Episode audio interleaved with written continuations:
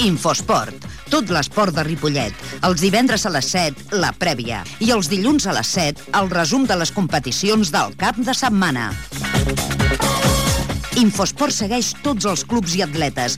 La informació de l'esport de Ripollet a Ripollet Ràdio, amb Ramon Argenter. Jugues? Molt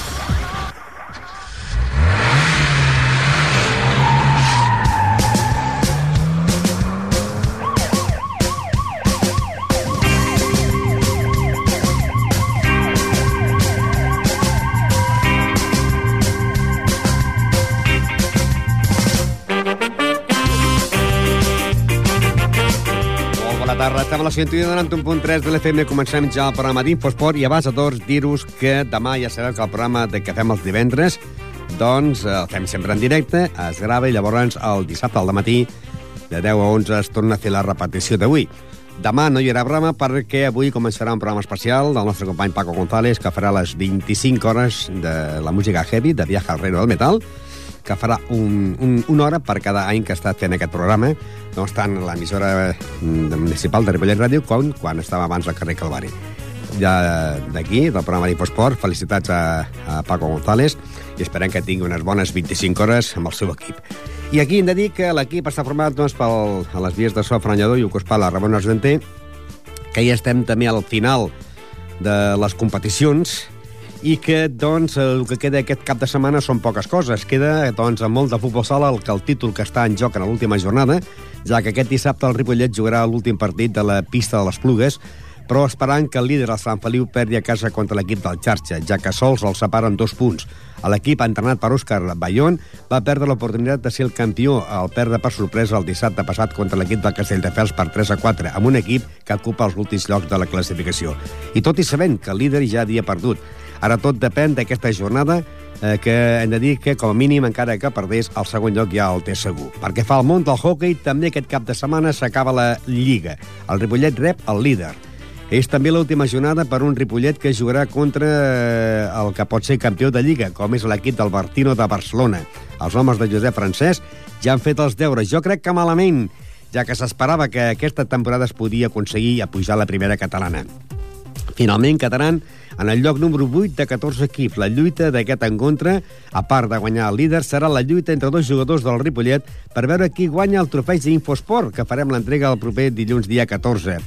Per veure, doncs, qui guanya aquest trofeig d'Infosport, ja que s'està entre dos jugadors, Pol Sicart amb 22 gols i Gerard Aran amb 20.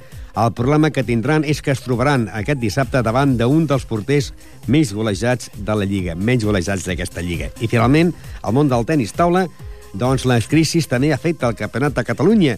Un campionat de Catalunya de tennis taula que abans es feia en una ciutat i ara que aquest any s'ha dividit en tres ciutats. Aquests campionats de Catalunya es faran a Calilla. La setmana passada va ser Olot, on es va celebrar un, una part dels campionats de Catalunya i fou per les categories infantils i sub-23, on el tenis taula Ripollet va guanyar 11 medalles, entre elles el títol de campions de Catalunya per equip infantil femení. Aquest dissabte es disputaran a Calella les proves i seran per les categories aleví i juvenil, en presència del tenis taula Ripollet, tant per equips eh, com per individuals. I acabaran la setmana que ve els campionats de, de Catalunya de Benjamins que es faran a la ciutat d'Igualada. De tot això en parlarem avui. Avui tindrem, doncs, una entrevista amb Jordi Muñoz, entrenador del Club de Futbol Ripollet, per valorar, doncs, el quasi, quasi el final de Lliga.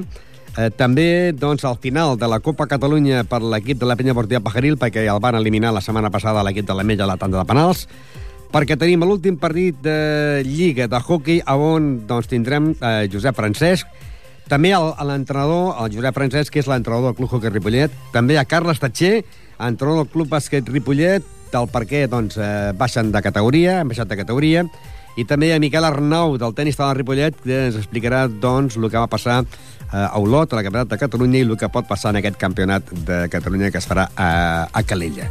I també, doncs, llavors, en l'esport base, eh, Norma i Miguel eh, ens parlaran doncs, un resum de, de que han fet que aquesta setmana i l'altra farem un resum de temporada de l'esport base. Per tot això, comencem ja a recordar que la setmana passada el Ripollet va jugar el seu últim partit de Lliga. A l'Aigua Freda va ser el campió en 79 punts, seguit de l'Olot en 76, Mollet 67, Ripollet ha quedat al lloc número 4 en 62 punts, Tona 55, Palau 50, Palafrugell, 48, Premià de Dalt, 48, Granollers i Cerdanyola, 47, Vic, 44, Farners, 43, Manresa, 42, Canovelles, 36, amb zona d'ascens directe, Vilassar de Dalt 34, Salinari Vic 32, Lloreda 22, 22 i Sant Feliu amb 20 punts. Tots aquests 5 equips baixen de categoria. Després de que el Farners, doncs, guanyés, eh, anés guanyant en el Ripollet per 2-0 i al final va acabar amb un empat a 3. Farners 3, Ripollet 3, amb un gol de Rubén i dos de Cristóbal, un de penal. Hem de dir que, a més a més, el jugador Cristóbal ha sigut el jugador que rebrà el trofeig d'Infosport com a màxim realitzador, com a pitxitxi del Club de Futbol Ripollet amb 26 gols, però és que a més a més serà el pitxitxi també dels jugadors de la categoria preferent, que ha sigut Cristóbal del Ripollet amb, primer amb 26 gols i 6 de penal, Pulido del Mollerussa, 26 i 7 de penal, Cesc de l'Aigua Freda, 20 i 3 de penal, Robert Olot amb 20 gols i 2 de penal, Ferri del Catllar amb 19 gols i 1 de penal i Canyi del Canyelles amb 18 gols i cap de penal. No sé si eh, aquest pitxitxi de la catalana doncs, tindrà trofeig o no. El que sí podem dir que per part del Ripollet Ràdio i del programa Infosport sí tindrem doncs, eh, trofeig pel el, que es farà el dia 14 pel Cristóbal León San José, que ha marcat aquest total de 26 gols. Anem a recordar les paraules de l'entrenador del Club de Futbol Ripollet, que aquesta temporada doncs, no han tingut eh, sort, no han tingut sort, perquè a més a més de jugar una lliga molt forta, amb equips com el l'Aigua Freda, com el Olot o com el Mollet, han tingut que lluitar alguns partits contra els arbitratges i, sobretot, una cosa molt greu contra les, les lesions. Pues sí, aquesta ja ha sigut una, una mala sort, això de, de les lesions, en el moment quan més els necessitàvem, però bueno, eh, el futbol és així, no? no? I quan tens uns pressupostos que no pots arribar, pues el problema està aquí. Perquè la plantilla era curta o llarga? La, la plantilla era lo normal, normal, bé. El que passa que quan no hi ha diners no pots fitxar més gent. I el que no pot, hi ha gent que, que quan se li lesiona algú els fa fora i el Ripollet pues, no té aquesta, té aquesta sensibilitat de quedar-se'ls encara que estiguin malalts. Per la part de dalt, Aigua Freda campió... No això sí. no ho fan tots els equips. Ja, I ja. és molt d'agrair, un jugador ha d'agrair molt. Per això molta gent doncs, li costa marxar del Ripollet quan marxa, no? Exacte. Clar, és que jo ho entenc. A veure, però hi ha molts que no, eh? Ja ho veurem aquest any com acaba la cosa. Home, el que pot marxar pot ser que sigui Cristóbal, no? Perquè si la premsa està bé, doncs aquesta setmana el jugador Pulido del Mollerussa sí. doncs eh, portava 25 eh, gols i 7 de penals i en aquest cas el Cristóbal, amb els dos que va marcar ahir, eh, s'ha posat davant amb 26 i 6 de penal. Per tant, eh, serà el màxim golejador de la preferent. Això vol dir que hi ha clubs que, el, que aniran al seu darrere, no? Ja estan els dos empatats a 26 gols, eh? Sí, sí? Sí. Estan els dos empatats amb 26 gols. El que passa que, bueno, si volen donar-li a Cristóbal perquè ha fet algun gol menys que el Pulido de penal, pues sí. valdrà això, però si no estan els dos empatats. Jo fins la setmana passada tenia Pulido, Mollerussa, 25 i 7 de penal, eh, sí. Cristóbal, eh, 24 i 5 de penal, eh, ara sí. tinc 26 perquè va marcar i dos, Sí. Cesc de l'Aigua Frada en tenia 20 i 3, Robert de l'Olot 19 i 2, i eh, Canyi del Canyelles 18 i 0 i Ferri del Callar 17 i 1. No sé si aquesta setmana han puntuat o no han puntuat. El Pulido, el Pulido aquesta setmana ha marcat un gol. Ha marcat un gol. Per tant, sí. i, i, i seria 26 Pulido amb 7 marcats sí. de penal i el Cristóbal 26 i 6 de marcats de penal. Exacte. Si mirem uh, pels penals, suposo que el global ha de quedar primer el Cristóbal. Jo ja t'ho vaig explicar que sí també faig un trofeig d'Infosport a tots els esportistes de, de Ripollet i, uh -huh. i tinc un reglament que jo sí que especifico de que, com que és un trofeig per, per, per, per entitat, si hi ha, ah. hi ha dos jugadors eh, que queden empatats, i això m'ha passat aquesta temporada en diversos esports, han quedat empatats, doncs dona el trofeig aquell que hagi marcat eh, menys gols de, de penal. I en cas d'empat, el que hagi aconseguit marcar més gols a camp contrari. I ara, jo no sé si la catalana don trofeig o no don trofeig. No, això no, no ho sé, no, això no és la catalana, això ho fa una emissora de ràdio també. És Ràdio Marca, no ens enganyem. Ja, ja, ja ho fa. Va, de totes maneres, si, que, si no, no li dona la Ràdio Marca o la, o la Federació Catalana el trofeig, nosaltres sí donem el trofeig d'Infosport, com cada any que ho fem, el dia 14 a Cristóbal perquè ha sigut el màxim golejador del club de futbol Ripollet. Un... El que està clar, sí. està clar que, que amb aquests gols el Cristóbal segurament no el tindrem l'any que ve. És el que t'estava dient, que Serena, a, ser, a més a més, eh, un dels primers de la, de, de la preferent, pot ser que tindrà, li sortiran moltes nòvies, no? I tant, i tant. Ja li han sortit equips d'estar de tercera divisió i amb això el Ripollet crec que no pot lluitar. I era un jugador que estava en el Rubí, no? I el Rubí se'l va treure, oi? No, no se'l va treure, no. Aquest jugador el volia fitxar jo l'any passat, Sí. del Pomar, de primer regional. Però per unes tonteries pues, se'n va anar al Rubí, el Rubí només va jugar molt poquet, i jo aquest any el vaig tornar a cridar i, i va vindre. Però el que passa que, bueno, jo, nosaltres l'hem fet aquí bo ara, i ara, ens el, ara marxarà. Però, bueno, uh, ja veurem. Queda, encara, jo tinc l'esperança que es quedi, ja veurem. El que passa que, a més a més de, de, de Cristóbal, León San José, doncs que ha marcat un total de 26 gols, n'ha marcat eh, 14 a casa i 9 a fora, Uh -huh. doncs eh, és un jugador que potser li faltaria també altres companys que marquessin gols, perquè si mirem els gols que ha marcat el Ripollet, tenim el Cammo, que n'ha marcat eh, 4, i el Javier Lizalde, que n'ha marcat 4. I també tenim el Berni, que n'ha marcat 4. Eh, falten també més jugadors que puguin marcar eh, gols, que puguin acompanyar el golejador? No, no, no t'he sentit gaire perquè... Que dic, que dic que eh, ell, ell ha marcat 26 gols, no? Però, en canvi, hi han clubs que millor hi han dos o tres jugadors que marquen molts gols i, en canvi, amb el Ripollet ens han només, hi ha trobat... hagut, només hi ha hagut ell el que ha marcat Aquí més. està, perquè llavors tenim a Cammo amb 4 gols, i el Zalbe amb 4 i també Berni amb 4. Vull dir, no hi ha ningú que hagi marcat més gols per dir, mira, tenim una bona delantera. Sempre ha pecat això el Ripollet, que ha tingut un bon tio, però ha faltat més gent que marqués gols, no? Bueno, pues sí, aquest any ha passat això i, bueno, i què hi farem? És, és, el, és el problema de tindre poder fitxar més gent. Eh, Quan, quan els pressupostos són baixos, i jo penso que el Ripollet és un dels pressupostos més baixos que hi ha en la categoria, penso que tindria que estar contentíssima en el, amb el que ha fet el Ripollet aquest any i l'any passat. Per la part dalt, l'Aigua Freda campió, 79 punts, l'Olot 76 i el Mollet 70 67. Esperaves que aquests tres equips estiguessin a dalt? Veure, jo ara tornaré, seré, seré pesat, però Sí. parlaré. Eh, Aigua Freda, 180.000 euros. Eh, Olot, 200.000. Mollet, 180. I Ripollet, 40.000. Hi ha diferència? déu nhi Podem estar contents o no podem estar contents? Jo crec que sí. Jo crec que molt. No vull, no vull posar més els dits a la llaga. Molt. Eh, I llavors, per la part baixa, Canovelles, Vilassar de Dalt, Sant Hilari, Lloreda i Sant Feliu són els justos o hi ha algú que millor s'hi hagués pogut posar també per aquí sota? Home, jo penso que el Canovelles és un equip que, bueno, que penso que podia haver estat una miqueta millor, no? Ara, mm, Lloreda, penso que sí. Eh, Vilassar de Dalt, aquest any, pues, penso que també. Vull dir, és que els que estan a baix, penso que sí que no, no hi ha gaire, gaire, gaire marge perquè es puguin estar més a dalt. I esperances com a quart pujar per allò que equips catalans pugin a dalt i, i existeix o no existeix? No, això ja és somiar truites. Aquí, Ja no, no? Anem, veient, veient els catalans com estan, estem, eh, estarem l'any que ve a, a preferent i amb la intenció l'any que ve sí de pujar de categoria si fan la reforma aquesta que pugen cinc equips de cada grup. Eh, si es pugés seria perquè alguna renúncia d'algú i si, a comprar una plaça, no? Sí, però primer favoreixen els, de, els que baixen Ja. Per, per, bueno, per les compensacions aquestes. O sigui que no crec ni que pugi ni el tercer. Has donat ja de vacances als jugadors o no?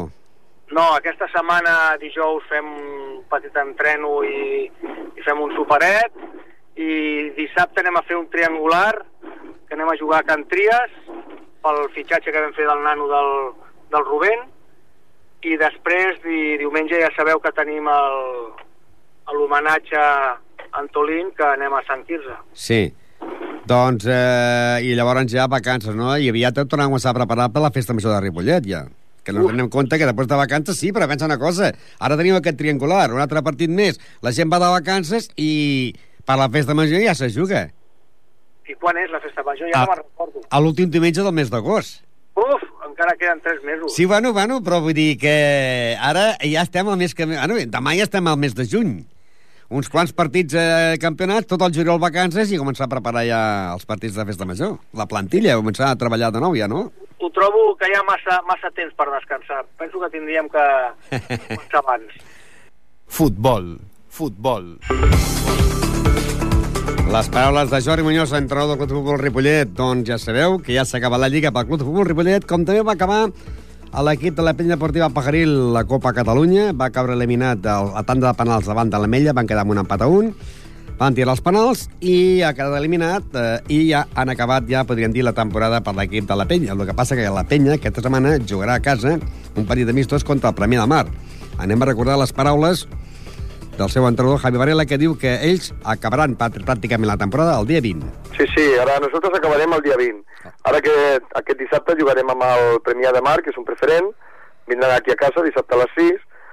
El, la setmana vinent, el dia 12, vindrà al, al parc, que va pujar l'any passat, la categoria sí, del nostre sí. grup, com a campió, i el dia 13, que serà el diumenge, jugarem dissabte i diumenge, i el dia 13 farem un, un triangular a, a Badalona davant dels Cistrells, i un altre preferent, que és un triangular, que el Cistrell també ha pujat a la segona, i bueno, per provar tots aquests jugadors no, que estan vinent ara, perquè clar, eh, portem dues setmanes que estem entrenant amb, amb 32 jugadors.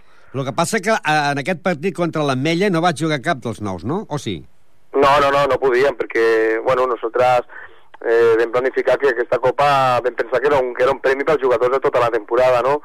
Eh, tampoc seria lògic eh, fer-li la fitxa a algun jugador de nou per jugar una o, o dues eliminatòries i els jugadors que han estat tot l'any eh, tancant i treballant per aquest, per aquest campionat eh, segueixin de quedar fora no? i no poguessin jugar.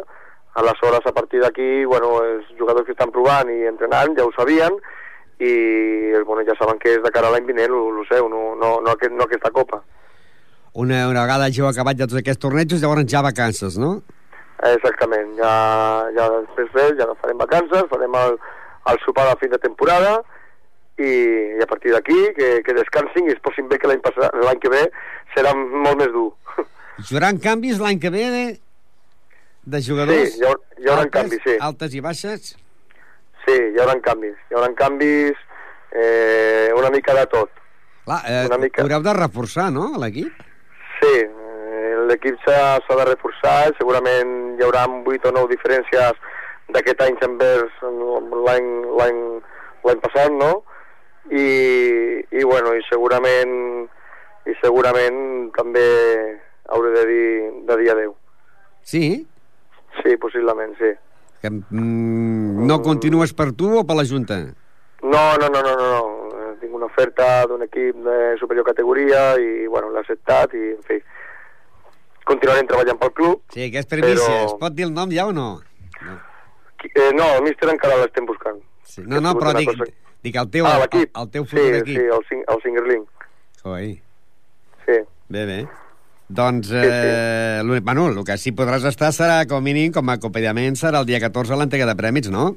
Sí, home, i tant, no, no, i a més a més jo continuaré treballant pel club igualment, un club d'aquí de la casa, jo sóc de la casa i treballaré per la casa, i, però bueno, igualment, ara en diuré un altre club de cara a entrenar, no? i estàvem dient no fa gaires dies que és l'únic equip del poble de futbol que, menys els porters, han marcat tots els jugadors han marcat gols. Curiós, eh? És curiós, però bueno, aquí també ve una mica el treball i la dinàmica del grup, no? De, de saber que aquí jugava tothom i tothom ha tingut la seva oportunitat i a més a més l'estil de joc que teníem no? que també portava això a que, a que qualsevol de l'equip podia fer un gol no necessàriament havíem de dependre del davanter o, o de qualsevol extrem, no? És a dir, en qualsevol partit in, in, podia ser un defensa que un mig, que el davanter, qui sigui, podia fer un gol en qualsevol moment, i aquesta és la gràcia d'aquest equip, no? I, de fet, mm, també penso que es nota una mica aquesta unió precisament per això, no? De, mm, hi havia jugadors que a final de temporada, faltant dos partits, encara no havien marcat, i s'ha pitat aquest, aquest penal, aquest, aquesta falta que ha sigut molt perillosa i les han llançat aquests jugadors que no havien marcat perquè fossin a, a fer el seu gol, no? I que tinguessin un gol com, com tothom. I, bueno, sí, ha sigut una temporada molt maca, molt maca. I parlant de gols, em va estranyar que l'especialista en penals, eh, Panyo, que no tirés cap penal a la tanda de penals. no, va, no va voler. No? no va voler. Va dir que, que no s'atrevia, que no... Com que havia fallat els dos últims penals, no?, i, i, hòstia, estava una miqueta així com acollonit, i va dir que no, no el volia llançar, no el volia llançar, i, bueno, tranquil, no passa res, llançarà un altre i que passi el que Déu vulgui, no? Ja està. I no va voler, igual que Dani tampoc, em va córrer molt el Dani, estava molt cansat i també em va dir que, que, bueno, que també psicològicament no estava per llançar un penal, i, i bueno, per a partir d'aquí és igual. Eh, no, li, no li hem de fer comptes al, al que ha fallat el penal, no? Eh, el falla només que el, el, que, Clar, el, el que el tira, el que el tira falla. Sí, sí, així de clar. O sigui, eh, xapó per als nanos que van fallar, que ho van intentar i ja està. I no han de, no han de treure conclusió negativa ni, ni res. I abans parlàvem doncs, amb l'entrenador del Ripollet que el jugador Cristóbal ha marcat 26 gols i el segon màxim golejador del Ripollet ha, ha sigut un, un defensa amb 4 gols. En canvi, aquí tenim que fins a l'última jornada lluitaven pel el trofeig Pere Los Santos amb 12 gols, Dani Escalera amb 12 gols, Ismael eh, Chamon amb 13, i finalment els dos últims gols que ha marcat Claudio s'ha col·locat en 15, per tant, el trofeig pel Claudio. Exactament, és, és el que diem, no? O sigui, penso que, a veure, el Ripollet ha fet una, una grandíssima temporada, no? Eh, però clar, aquí es demostra una mica de que si aquest davanter a lo millor no estigués bé de cara a porteria, a lo millor no, no haguessin aconseguit aquest joc no? que, han, que, han, que han acabat eh, perquè és complicat, clar, demanen només que clar, el segon golejador porta quatre gols i a més a més és un defensa. Aleshores es veu que hi ha una, una, una, una decadència no? per, per buscar aquest davanter. En canvi a nosaltres és, ha sigut diferent. Eh, si l'Ismael per lo que fos no, no estava al partit, marcava Dani. Si Dani no hi és, marca Claudio. Si Claudio no hi és, marca el Pere. Si no, marca el Ramon. Si no, marca el Diego. I sempre, sempre hem marcat en tots els partits. Diego n'ha marcat 6, precisament. Sí, sí, per això, o sigui... Ramon, les millors- Ramon en 5, eh, Roger en 5, llavors. Italo en 4, eh? Això, a, aquests són mitjos, o sigui, Sí, sí. Eh, si, si només amb tres mitjos ja s'ha ja aconseguit de fer 15 gols, amb tres jugadors del mig, eh, clar, això vol dir alguna cosa, no? I, clar, nosaltres no teníem dependència, com que tothom sabia el que volíem i tothom sabia eh, el, el, el que tenia que fer al camp, tothom, tothom donava al 100%, i a partir d'aquí tothom marca, ja està, i no, no, no busquem, no tenim un referent en atac. Aquí tothom ha de marcar. Doncs n'ha marcat bueno. total 60, 60 a casa, 39 a fora, 99 gols, 35 en contra, i màxim realitzador, Claudio Pérez, amb 15 gols que rebrà el dilluns que ve, aquest no l'altre, el dia 14, a partir de les de la tarda del trofeig Infosport, que és la sisena edició ja. Sí, sí, no, per això et dic que és, són uns números molt, molt competitius, no? Per ser campió no és fàcil, i menys, i menys en, en aquest grup que estàvem nosaltres, no? No és fàcil, és un grup en què tu quedes campió, eh, li treus 7 punts al segon, que, que és una llagosta, eh, 10 al tercer i 15 al quart, eh, acabes com a màxim, bueno, segon màxim golejador, acabes com segon menys golejat, eh, acabes com el, no, perdó, el millor menys golejat, acabes el millor equip a fora, el millor equip a casa, són números de d'una gran temporada, no? De, de, de, que demostra que amb 25 jugadors que hi érem hem acabat 23. Mhm. 23 en tot l'any i això demostra que bueno, l'equip està bonit i l'equip tenia el mateix objectiu que era pujar de categoria, treballar venir als entrenaments que eren molt importants i a partir d'aquí anar guanyant, anar guanyant aquests números, bueno, són, penso que són una miqueta d'elevar, no? Futbol. Futbol. Deixem ja doncs món de futbol i anem al futbol sala, perquè aquesta setmana juguen també l'últim partit de Lliga, en aquest cas eh, la categoria preferent grup tercer, eh, eh, demà s'acaba la Lliga. I s'acabarà amb aquest calendari. Esporting Prat, Sant Coler, Sant Feliu Xarxa, Sant Just Alella, Cornellà, Santa Perpètua, Llagostense i Llobregat. Descansarà el Castellar per la retirada de la Governal Guadiana. Castelldefels, Cervelló i Penyes Plugues, Ripollet B. Classificació. Sant Feliu, 66 punts seguit del Ripollet amb 64. Esporting Prat, 48. Sant Just, 47. Cornellà, 46. Alilla, 43. Cervelló, 38. Llagostense, 38. Xarxa, 38. Castellà i Sant Colet, 37. Penyes Plugues, 36. Castelldefels, 32. Plat Llobre- Llobregat, 26. Santa Barbètua, 14. I tanca retirat a l'equip de Gornal amb 0 punts, perquè es va retirar als començaments de la segona volta. El Ripollet, per quedar campió, ha de guanyar aquest dissabte a la pista de la Penya Esplugues. Una Penya Esplugues que la setmana passada perdia 2-0 a la pista del Sant Coler. Guanyar a la Penya Esplugues, que ocupa la plaça número 12 amb 36 punts, guanyant allà. Però és que, a més a més, per fer això, a més a més de guanyar, tindria que perdre o empatar el Sant Feliu a casa contra el Xarxa. El Xarxa, que la setmana passada doncs, guanyava 4-1 a l'Esporting Prat, i un Xarxa que ocupa la plaça número 9 amb 38 punts, davant d'un Sant Feliu que és el líder amb 66 punts.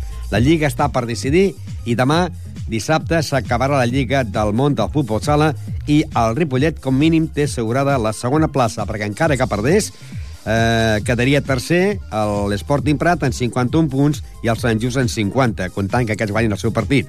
Si el Ripollet guanya, sumaria 64 punts. Si el Sant Feliu perd, es quedaria en 66. Tot demà es decidirà. Futbol sala. Futbol sala.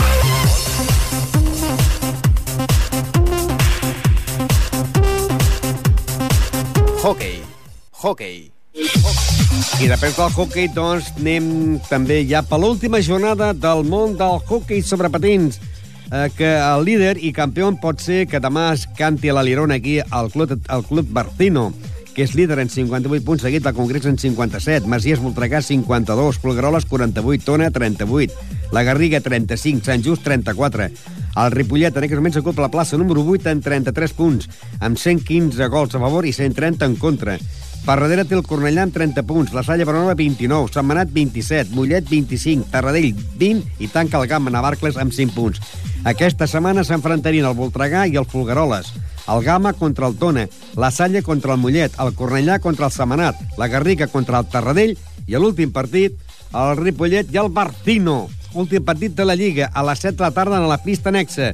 Hem de dir que eh, pràcticament es pot dir que el Club Hockey Ripollet ja ha fet els deures. Si guanya i perd el Sant Just, podria passar a ocupar la sèptima plaça amb 36 punts, o inclús, si perdés la Garriga, podria ser sisè amb 33 punts. Si perd, podria perdre un lloc, a la, un lloc i passar a ocupar el lloc número 9 davant del Cornellà, que l'empataria si aquest guanyés el partit. Per la lluita d'aquest cap de setmana no està en si guanya, home, sempre és bo que guanyi.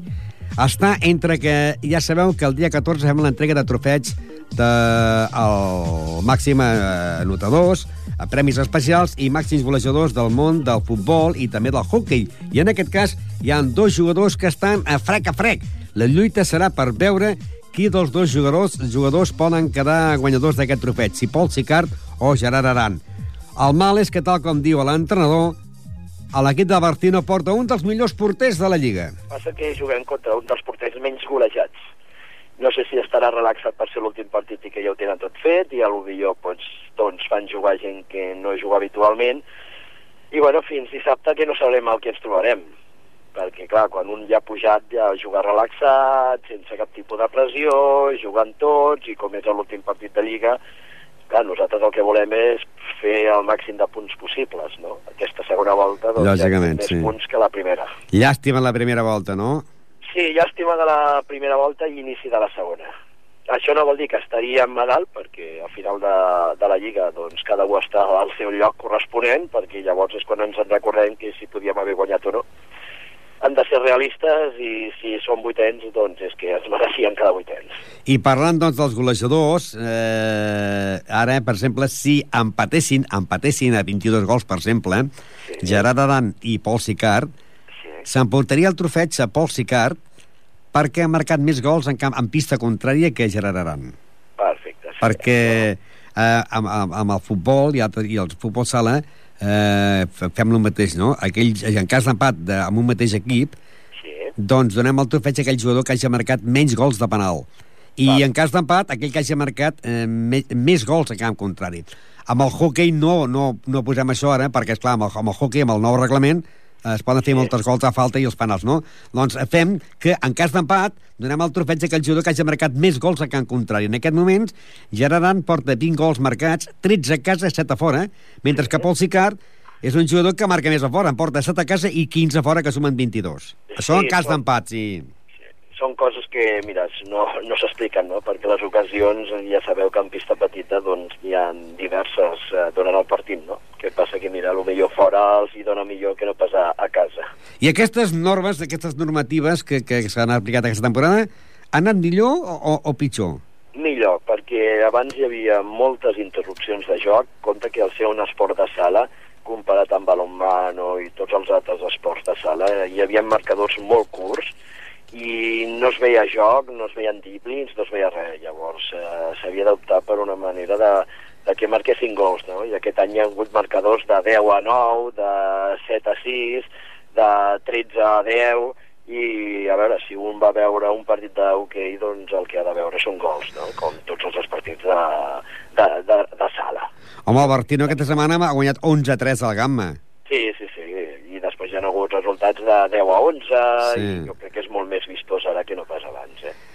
Doncs bé, el Ripollet es manté en aquest lloc número 8 de la competició en 33 punts i el bo seria que aquest dissabte doncs, eh, hi hagués la- la- l'acomiadament doncs, guanyant a la Bertina, no?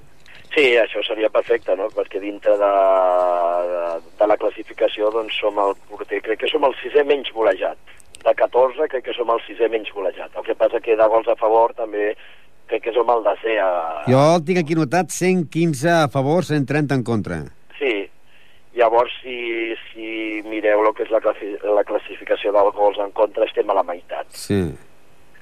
Eh? I bueno, esperem a veure si podem pujar una miqueta més de menys golejats. Aquest dissabte s'acaba la Lliga. S'acaba la Lliga i en tornejos o dius vacances i s'ha acabat ja fins l'any que ve? No, a lo millor es, es, generalment sempre s'acaba el dia 30 de juny, no? Es continua entrenant fins al dia 30 de juny i ja fins a primera setmana de setembre, última d'agost, eh? Tenis taula. Tenis taula. Tenis taula. I continuem amb tenis taula, que és els, els esports que van acabar molts la setmana passada i molts encara continuen, perquè la setmana passada es va disputar el Campionat de Catalunya, que s'ha partit en tres llocs. Primerament hi va haver unes prèvies que es varen fer ja al mes de març i es van fer al pavelló Reina Elisenda de Barcelona. Aquest cap de setmana es van fer una, unes proves del Campionat de Catalunya que es va fer a la ciutat d'Olot, a les categories infantil i sub-21. Aquest cap de setmana hi ha eh, més proves del Campionat de, de Catalunya, però no es fa a Olot, sinó que es fa a Calilla. I la setmana que ve hi ha les proves finals del Campionat de Catalunya que es farà a Igualada.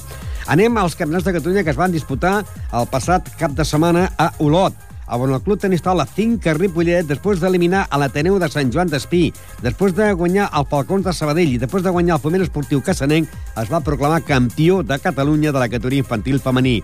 Subcampió va ser el Foment Esportiu Cassanenc de Girona, tercer a l'Esparreguera, quart al Falcons de Sabadell, cinquè classificat al Bàscara de Girona, sisè al Crella i setè l'Ateneu de Sant Joan d'Espí.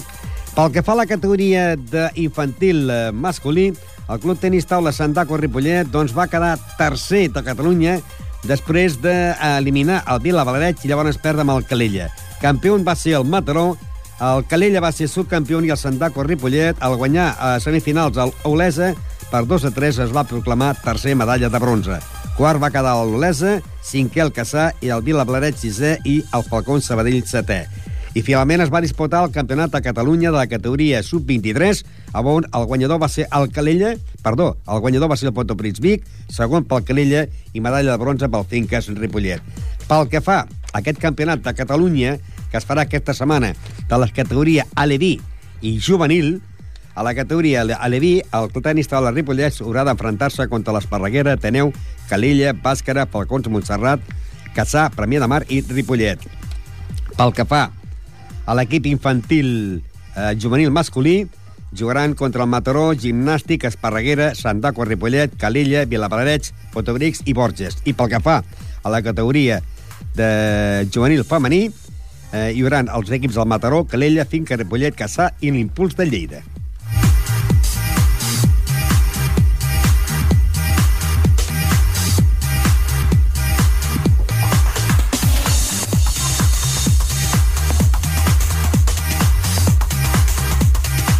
Precisament, doncs, Miquel Arnau ens explica de que tot el que va passar a on el Ripollet va concedir 11 eh, pòdiums el dissabte passat a Olot.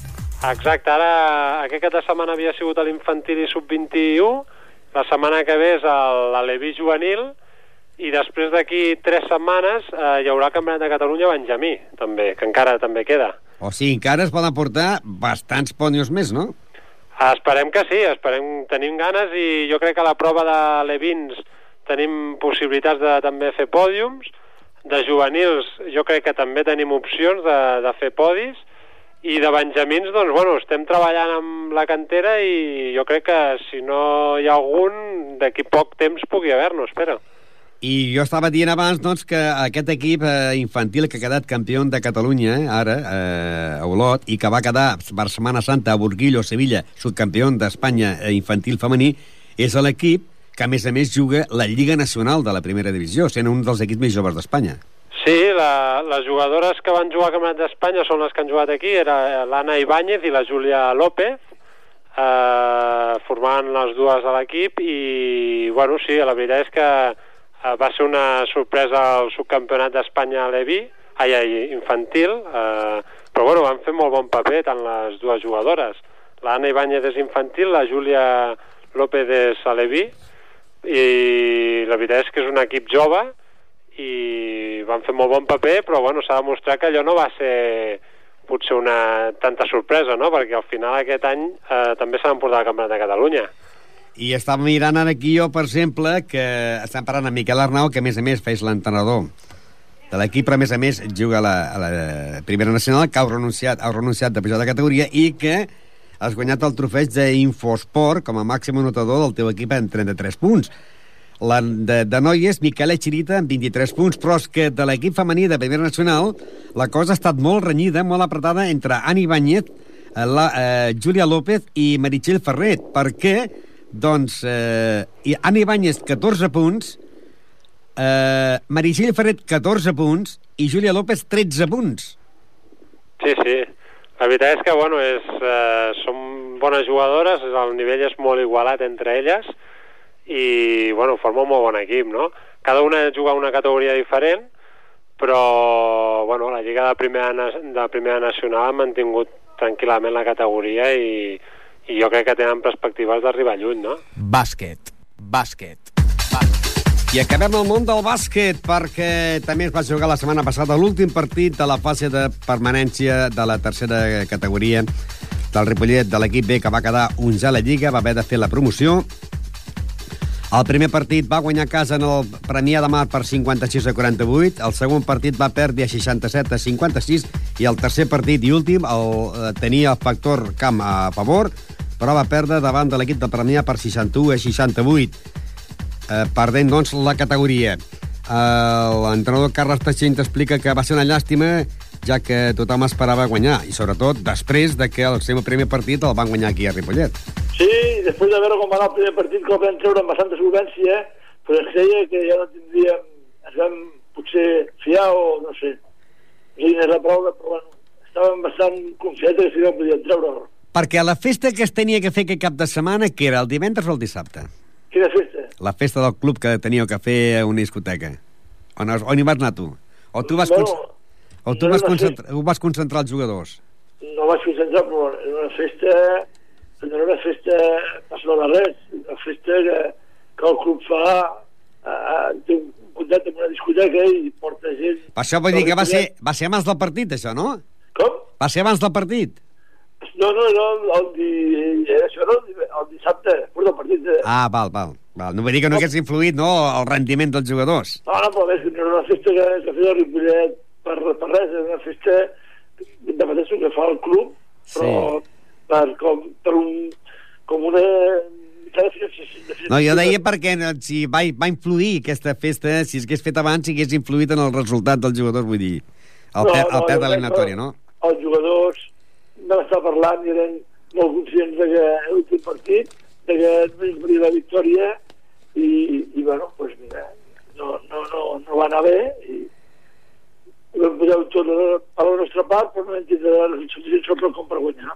I ara ja s'ha acabat la Lliga, no? Ja, Sí. no, ja, ja n'hi ha cap més partit, ni en plan amistós, ni res de res, fins la temporada que ve. No, no, ara ja s'ha acabat i ara ja a veure si com queda la, temporada que ve, a veure com es fixa la temporada que ve, a veure quins equips es fan, com continua la gent, bueno, a veure què passa. I pel trofeig d'Infosport tenim que Lliçar Termes s'emportarà el trofeig d'Infosport, que sí. Sempre amb una lluita amb Carles Cubo, però aquest any ha sigut de Lliçar Termes, i amb l'equip teu equip, doncs hi havia dos jugadors, no?, destacats, el Miquel Batxot i un altre. Sí, bueno, ara, ara com que ja hem acabat, i ara puc fer ja el recompte de tots els punts dels partits i, i, i eh, ho estava ara treballant, perquè ja estava en l'estadística del partit que em van, que em van passar els, els informàtics del club, i ara ja, m'haig- ja acabaré de sumar tot. Ja... I sembla ser que pot ser que tingui possibilitats el Miquel Batxot, no? Mm, està entre el Miquel i, i l'altre i el Sergi Marín. Ah, Sergi, Sergi, Sergi Marín, sí. Sí. Bé, doncs llavors, eh, acabat la Lliga, eh, tu continuaràs o no? No, no, no eh, encara està tot molt calent. Va, el club em va, em va fer una mica de sondatge de quina havia aixafat la temporada vinent, però jo vaig dir que estava centrat a, a anar a aquest partit i que no volia posar-me cap fita perquè canvia molt de, de fer una categoria a l'altra i llavors, pues, llavors ara fa falta un temps de reflexió i bé la derrota aquesta i a veure com, com ens ho enfoquem per la temporada que ve. L'equip A s'ha salvat i l'equip B doncs, ha baixat de categoria, però mira, el que s'ha de fer és anar lluitant com sempre, no, Carles? Sí, sí, a veure, nosaltres estem eh, aquí per formar jugadors, l'únic inconvenient és que quan, quan més amunt, doncs millor pel club i millor pels jugadors. Quan, quan la categoria és més alta, més nivell hi ha i la formació doncs, és, és més gran, evidentment.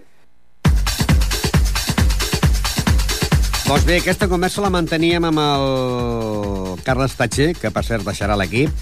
El va agafar per intentar salvar-lo, no l'ha pogut salvar. I estàvem parlant de que si Miguel Batxot serà el que treballarà el trofeig d'Infosport, perquè hi havia una gran lluita entre ell i Sergio Marín. S'ha esperat que s'acabés la Lliga, que es va acabar aquest diumenge, i precisament amb 311 punts, qui s'emportarà el trofeig no serà Miguel Batxot, sinó Sergio Marín, del primer equip, i Llesar Ter, o sigui, del segon equip, i Llesar Termes del primer equip.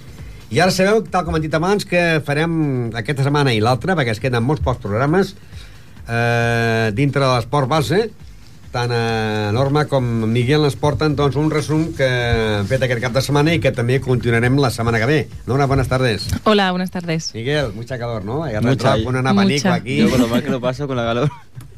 Bueno, eh, aquí, eh, hacéis un resumen de todo lo que habéis hecho en ese Sí, en esos pues como días, ¿no? quedan dos días de infos, bueno, de nuestra sección de deportes base, pues haremos este día una, un resumen de los equipos que hicimos la primera temporada, Ujú. pues sobre todo de básquet y de fútbol, y el, el siguiente día, el viernes que viene, pues haremos un resumen de los equipos de esta segunda temporada del Sport Base y de handball del primero. Pues comenzamos ya. Sí, empezamos por fútbol. Vamos a escuchar fútbol que este, hemos hecho el, tanto el Ripollet como la de FUB. Vamos a ver el corte de lo que nos decían los chavales. Hoy es sábado 10 de octubre y estamos en el campo de la DEFUB, un recién estrenado campo que antes era de tierra, ahora lo vemos de césped, y en el que juegan la Escuela de Sabadell contra la DEFUB. Jugando por la de FUB tenemos a Javier Carrillo, Jonathan Beltrán, Rubén Carrillo. Es la una y media y el árbitro pita al final del partido. Quedamos 8-3 a favor de la DEFUB, que ha controlado el partido, aunque ha bajado un poco su rendimiento durante la segunda parte. Aunque hay que recordar que ha marcado 7 de sus 8 goles en la primera parte, y así se lleva los 3 puntos que le ayudan a subir en la clasificación. Vamos ahora a preguntar a los protagonistas del partido. Llevan poco, no han hecho ni pretemporada ni nada. Y bueno, le falta toque, le falta posicionamiento, le falta fuerza, resistencia. Objetivo, si se puede, man- eh, si se puede subir, si no, pues arriba, quedarse arriba. Nos falta un poco de toque de balón. Nos falta mucho el toque de balón todavía y el físico, que a la media parte ya estamos cansados. Bien, pues esto era el partido al que fuimos entre la DEFUB y la Escuela de Sabadell, que era el primero que fuimos a ver. Y ahora vamos a ver la clasificación que ya ha acabado la temporada. Vamos a ver cómo han quedado.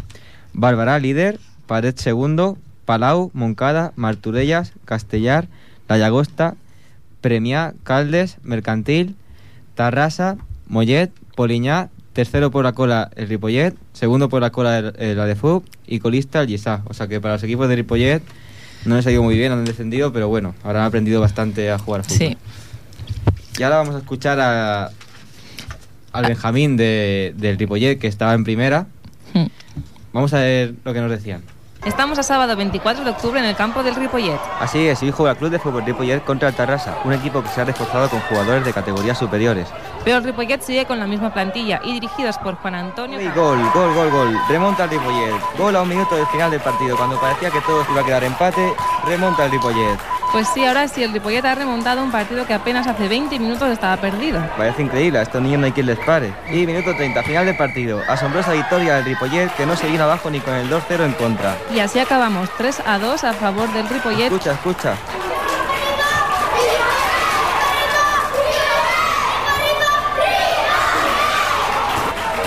Vemos una felicidad absoluta en un Ripollet que ha tenido un partido muy difícil que al final ha podido reponerse. Y no es para menos esta alegría que tienen. Al principio estaba la cosa difícil, lo que pasa es que hemos aguantado bastante bien la primera parte y la segunda parte hemos sido superiores. Yo confío en ellos y si confío en ellos, ellos mantienen la categoría. Teníamos un poco de miedo porque como son un poco más grandes, a ver si nos iban a meter una paliza. Si no ganábamos, íbamos a estar toda la semana corriendo. Ha estado un poco difícil y, y al final, como los hemos esforzado, hemos metido gol. La primera parte ha sido muy floja, pero luego nos ha, hecho, nos ha regañado el, el entrenador en el vestuario, luego hemos remontado, hemos marcado goles, nos hemos puesto muy contentos. Faltaba correr en la primera parte. Sí. Y por eso nos aleñó y ya hemos salido bien. Y hemos remontado. Pues esas eran una de las impresiones de los niños del, del Ripollet que, jugaban contra el Tarrasa y la verdad que iban perdiendo por dos goles y después al final remontaron. En este grupo 5 hemos tenido la cara y la cruz. En, el Ripollet ha, conseguido mantener la categoría en primera, mientras que la de Fútbol ha descendido, ha quedado colista. Y el resto de equipos, el Tarrasa ha liderado la clasificación, segundo Serrañola, tercero San Cristóbal, cuarto Canrul, Rubí, Sabadellenca, San Cugat, Sabadell, Mercantil, décimo el Ripollet, undécimo el Tarrasa, Sabadell, Mirasol Baco, La Planada, Barberá Andalucía y cerrando la clasificación el, la de Fútbol Ripollet. Vamos a pasar ahora al básquet. Sí, ahora escucharemos bueno, el básquet del San Gabriel masculino y también del femenino. Pues primero escucharemos un pequeño resumen de cómo fue el partido entre el San Gabriel y el Mirasol. Es sábado 17 de octubre y estamos en el campo del San Gabriel en Ripollet, donde se juega el partido entre el Club de Básquet San Gabriel y el Mirasol. Y el árbitro pita final del partido. Ganan los de San Gabriel por un punto, 42 a 41. Bueno, un momento. El árbitro dice que el Mirasol le quedan dos tiros libres pitados antes del final del partido. No puede ser. Escuchar como el público del San Gabriel no está nada de acuerdo y abuchan al jugador que lanzará los tiros libres. Mucha presión para el lanzador que tira y falla el primer intento. Lo que queda ahora es empatar o perder, y eso es mucha presión para el Mirasol. Además, tiene a toda la gente de San Gabriel gritándole: ¡Lanza y falla! Ahora sí que se ha acabado el partido, 42 a 41 para San Gabriel. Un partido muy pero que muy ajustado hasta el final y que os asciende a la parte alta de la clasificación. Ens esperàvem, doncs això, un partit no tan difícil. Jo m'esperava guanyar de més, encara que el primer haguéssim perdut de molt, i més calmat. No m'esperava que hi hagués tanta, tanta rivalitat. No volíem anar a la pròloga y no, volían guañar. No eran tan buenos para haber ganado de nosotros de, de uno. Podíamos haber ganado de más. Ha sigut molt emocionant, sobretot al final, i el, ha sigut... És que no, no podíem contenir l'emoció al final. Al principi han començat una mica irregulars, però hem acabat molt bé. Bueno, pues esto era los, eran los niños del San Gabriel, que la verdad que creo que perdían de bueno, ganaban de dos puntos, pero todavía quedaban tiros libres que el árbitro había pidado casi al final del partido y entonces era quedaba o metía, si metían los tiros libres el Mirasol ganaban y si no pues perdían. Mucha tensión al final del partido. Y ahora vamos a ver cómo queda la clasificación ahora mismo. El líder es San Andreu de Nazaret con 19 puntos, segundo San Gabriel de Ripollet con 16, cada tres puntos del líder solo. Tercero, Climasol Rusel con 16. Cuarto, La Salle Bonanova con 13. Quinto, San Miquel Arcángel con 12. I último, sexto, cerrando la classificació, Nubes Plugas con 11 puntos. I a més a més, ja que estem parlant de l'escola bàsquet Sant Graviel, hem de dir que, per exemple, estem avui eh, que comença l'edició número 30 del torneig eh, de bàsquet Sant Graviel, que serà aquest dissabte, o sigui, avui divendres, dissabte i diumenge, i si veieu el llibret que han fet, un llibret molt maco on hi ha doncs, una introducció de Ricky Rubio, jugador de la Barcelona, i també de la jugadora, eh, que és la nòvia de Jack Alakovic, que és Elena Boada, jugadora de l'Aka Alakovic del Barça, que a més a més també fan una felicitació en aquell llibret que podreu veure d'aquest 30 aniversari del torneig de bàsquet clàssic del Sant Graviel, 4-5, o sigui, avui divendres, dissabte i diumenge.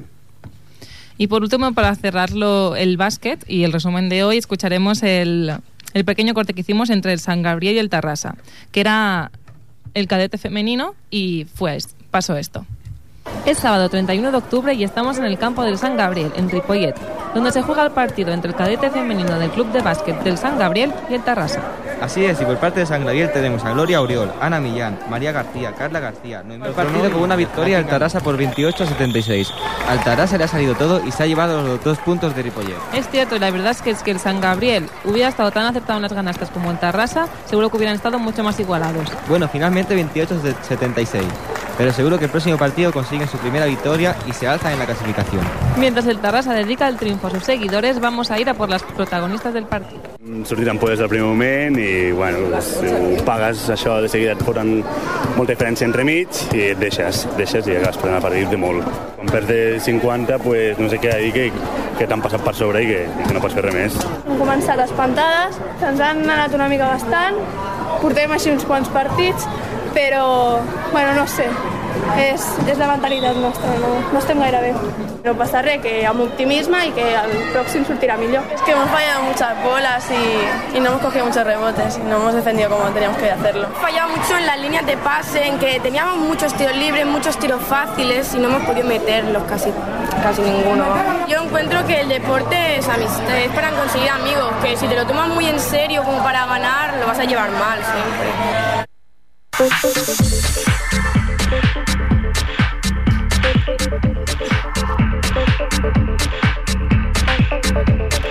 Y este era el San femenino, que la verdad que perdieron casi de 50 puntos, pero bueno, estaban muy nerviosas, también era, creo que habían subido de categoría también, o sea que también, a ver, a ver cómo les ha ido esta temporada. Bueno, aunque perdieron ese partido por mucho, han quedado bastante bien.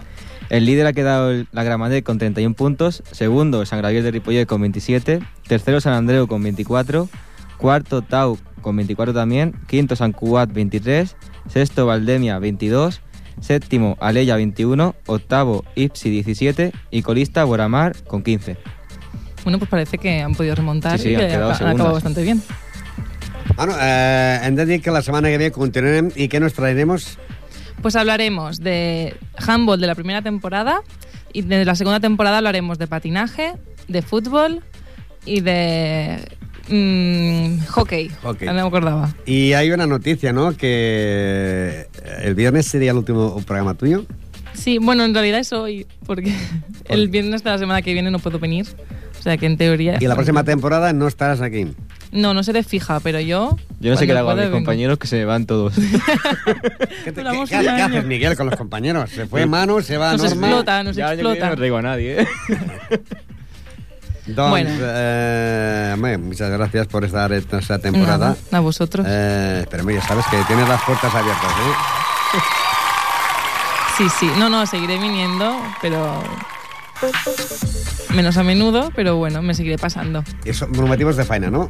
Sí, sí, trabajos, que es que cuando empecé aquí, ¿sabes? Es- Estas temporadas que no haces mucha cosa y ahora se te acumula todo, pero, pero bueno, muy bien. O sea, he estado aquí aprendiendo un montón.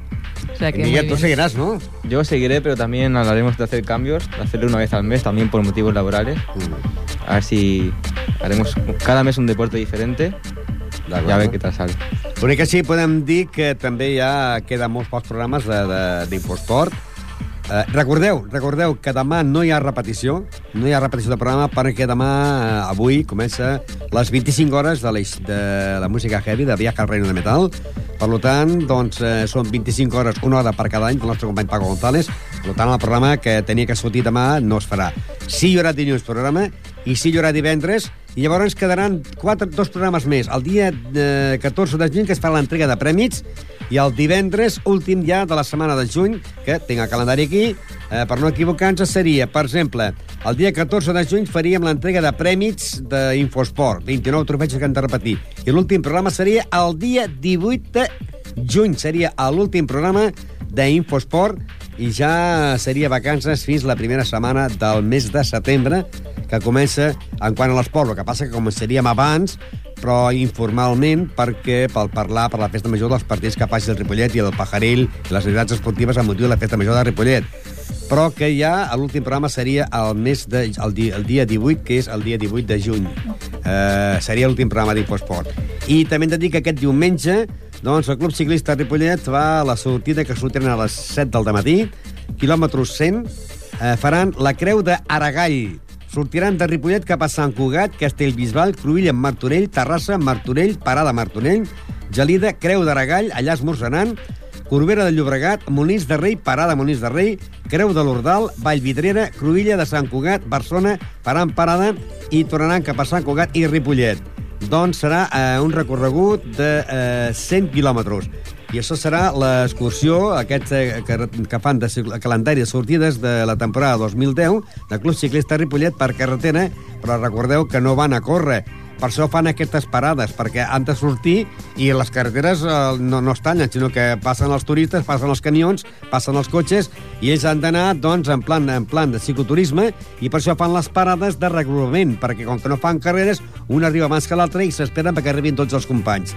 Eh, per això es diu parada. Això serà aquest diumenge a partir de les 7 del matí, que serà l'excursió que fa el Club Ciclista Ripollet, que durant l'any, durant l'any, comença la temporada al mes de març i acaba al mes d'octubre i hauran fet un recorregut de 3.290 quilòmetres amb la bicicleta. Posarem punt i final, bon cap de setmana i el dilluns tornarem. Adéu i bona tarda. Adéu. Adéu.